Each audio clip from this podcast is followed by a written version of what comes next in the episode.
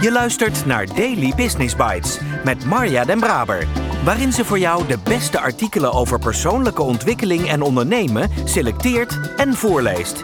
Elke dag in minder dan 10 minuten.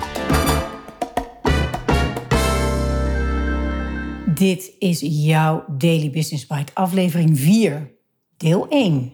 Hoe CEO Mark de Vries Swapfiets vier keer zo groot wil krijgen.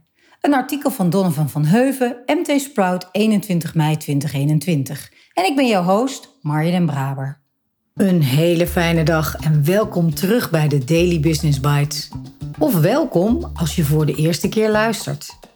Dit is de podcast waarin ik je de beste artikelen voorlees die je kan vinden over ondernemen en persoonlijke ontwikkeling. Soms een beetje te enthousiast, maar ik kan het niet helpen. Ik houd van het onderwerp en van lezen. Dus dank dat je met mij meeluistert vandaag en elke dag. Mark de Vries heeft zijn eerste 100 dagen als CEO van Swapfiets achter de rug.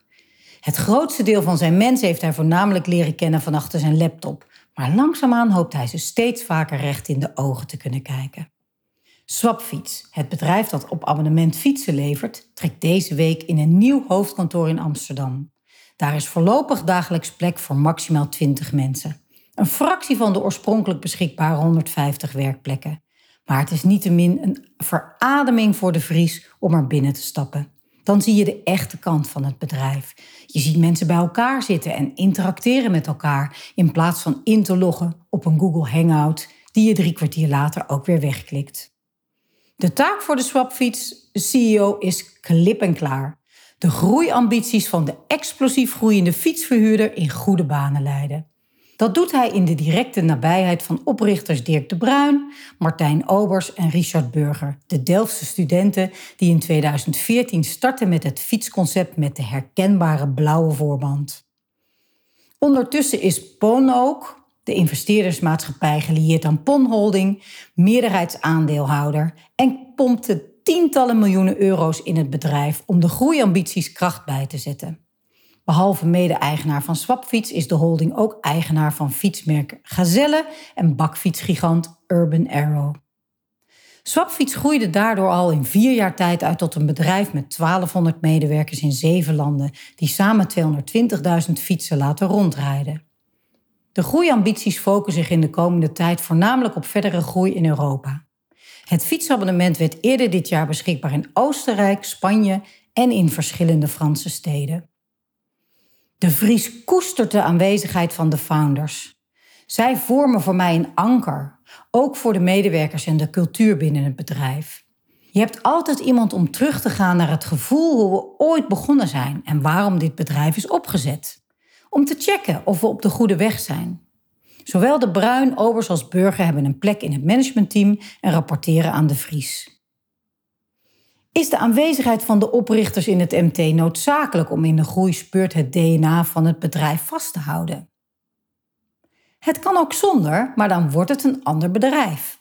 Ik denk dat het nu met name voor de cultuur en het verhaal essentieel is om ze erbij te hebben. En ik heb eerder in bedrijven gewerkt waarin de founders nog aanwezig waren. Twitter, Hives en Monsterboard. Mijn ervaring is dat ze daar stuk voor stuk zorgden voor ziel en verbinding in het bedrijf. Bovendien hebben deze jongens enorm veel kennis opgebouwd de afgelopen jaren. Richard over sustainability, Martijn op productniveau en Dirk over de schaalbaarheid van organisatie vanuit de supply chain en operations kant. Je hoofdtaak is het faciliteren van verdere groei. En hoe pak je dat aan? Ik weet niet of er een magische formule is. Het is een mix van allerlei zaken, maar die mix begint altijd bij mensen. Als je verkeerde mensen in een managementteam hebt zitten, kun je maar beter meteen met ze stoppen. Jim Collins schreef in zijn boek Good to Great: If we get the right people on the bus, the right people in the right seats, and the wrong people off the bus, then we'll figure out how to take it someplace great. Dat kan ik alleen maar onderschrijven. Het blijkt ook wel uit mijn eigen ervaringen. Als de groei stokte of de snelheid omlaag ging, kwam dat bijna altijd doordat ergens in het managementteam niet lekker zat. Dus ik zorg eerst dat het managementteam staat als een huis en start vanaf daar. Vervolgens kijk ik ook een stap lager. Bij Swapfiets heb ik in mijn eerste 30 dagen het zogeheten leadership team opgericht. Dat team bestaat uit iedereen die aan iemand van het MT rapporteert. En in ons geval zijn dat 40 mensen. Daarmee pak je elk facet van de organisatie. Als je met z'n veertigen de juiste visie, doelen en heldere milestones deelt en vervolgens echt de focus op executie hebt, creëer je een mooie basis met elkaar. Hoe ontwikkel je de juiste collectieve groeivaardigheden? ik heb natuurlijk een deel van de groei en de groeistrategie geërfd. En die was succesvol, dus daar borduren we op voort. Een gevaar bij nieuwe CEO's of MT-leden is dat je blind alles anders gaat doen. Ik kies er bewust voor de basis niet te wijzigen. Wat ik wel doe, is met de blik van een buitenstaander de organisatie bekijken en me afvragen: wat zijn de accenten? Is het plan volledig doordacht en zijn we echt klaar voor de executie? En wat is je conclusie? Dat de plannen op veel terreinen helder, inspirerend en ambitieus zijn. In hoofdlijnen hoef ik daar niet veel meer aan te doen. In zijn algemeenheid zie ik dat alles wat met de eerste groei van het bedrijf te maken heeft gehad, goed staat. Drie jaar geleden hadden we 10.000 members, nu zijn dat er meer dan 220.000. Dat is een operatie hoor. Je hebt het over een uitrol naar 60 steden in 9 landen in drie jaar tijd. We hebben veel warehouses dicht bij onze klanten. Fietsen zijn lastig in grote aantallen te vervoeren. En hierdoor kunnen niet, zoals Amazon, af met één grote centrale plek. Daarnaast zijn we ontzettend goed in het datagedreven repareren van fietsen. Vanaf de start hebben de drie oprichters echt elke reparatie vastgelegd om de kwaliteit van de fietsen te optimaliseren. Hoe lang zijn we met een fiets bezig? Wie is goed in het repareren van welk onderdeel? Wat gaat het meest kapot aan een fiets die we kopen? Elk onderdeel dat kapot gaat, hebben we met onze partners weer verder ontwikkeld. Onze fietsen zijn volledig door onszelf ontworpen, waarbij we streven naar 100% circulariteit. Dat gedeelte van het bedrijf staat super strak en kan verder opschalen.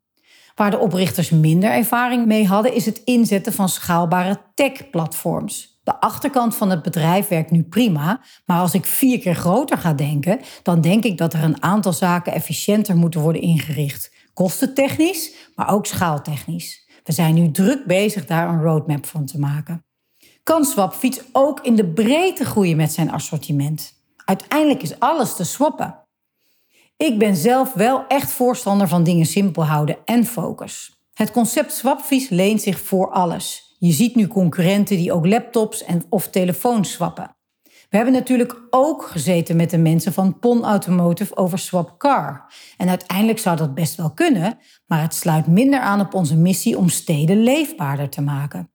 We willen ons nu eerst blijven focussen op fietsen, e-bikes, elektrische stepjes en scooters. Als je met ons huidige groeimodel en de focus op de paar producten die we hebben vier of vijf keer groter kunt worden, dan heb je het straks wel over een miljoen members die op een abonnement fiets of een ander mobiliteitsproduct zitten dan is dat groeiplan op zichzelf al interessant genoeg om daarop te blijven focussen. Hoe behoud je de focus? Ik zie nu al dat het ontzettend lastig is. Van één fiets ga je naar e-bikes, vervolgens komen er stepjes en scooters bij. Het lijken iets andere producten, maar die hebben een totaal andere complexiteit. Dus ik ben nu zelfs al aan het kijken, vier productlijnen. Kan dat nog net of misschien net niet? En als het net niet kan, moet je misschien wel gewoon teruggaan naar een product minder. Een iets simpeler model, waardoor je uiteindelijk ook sneller vooruit komt. Daily Business Bites met Marja Den Braber. Je luisterde naar deel 1 van hoe CEO Mark de Vries Swapfiets vier keer zo groot wil krijgen. Een artikel van Donovan van Heuven. Deze week maakte ik kennis met onze nieuwe buren. Een Noor en een Engelse.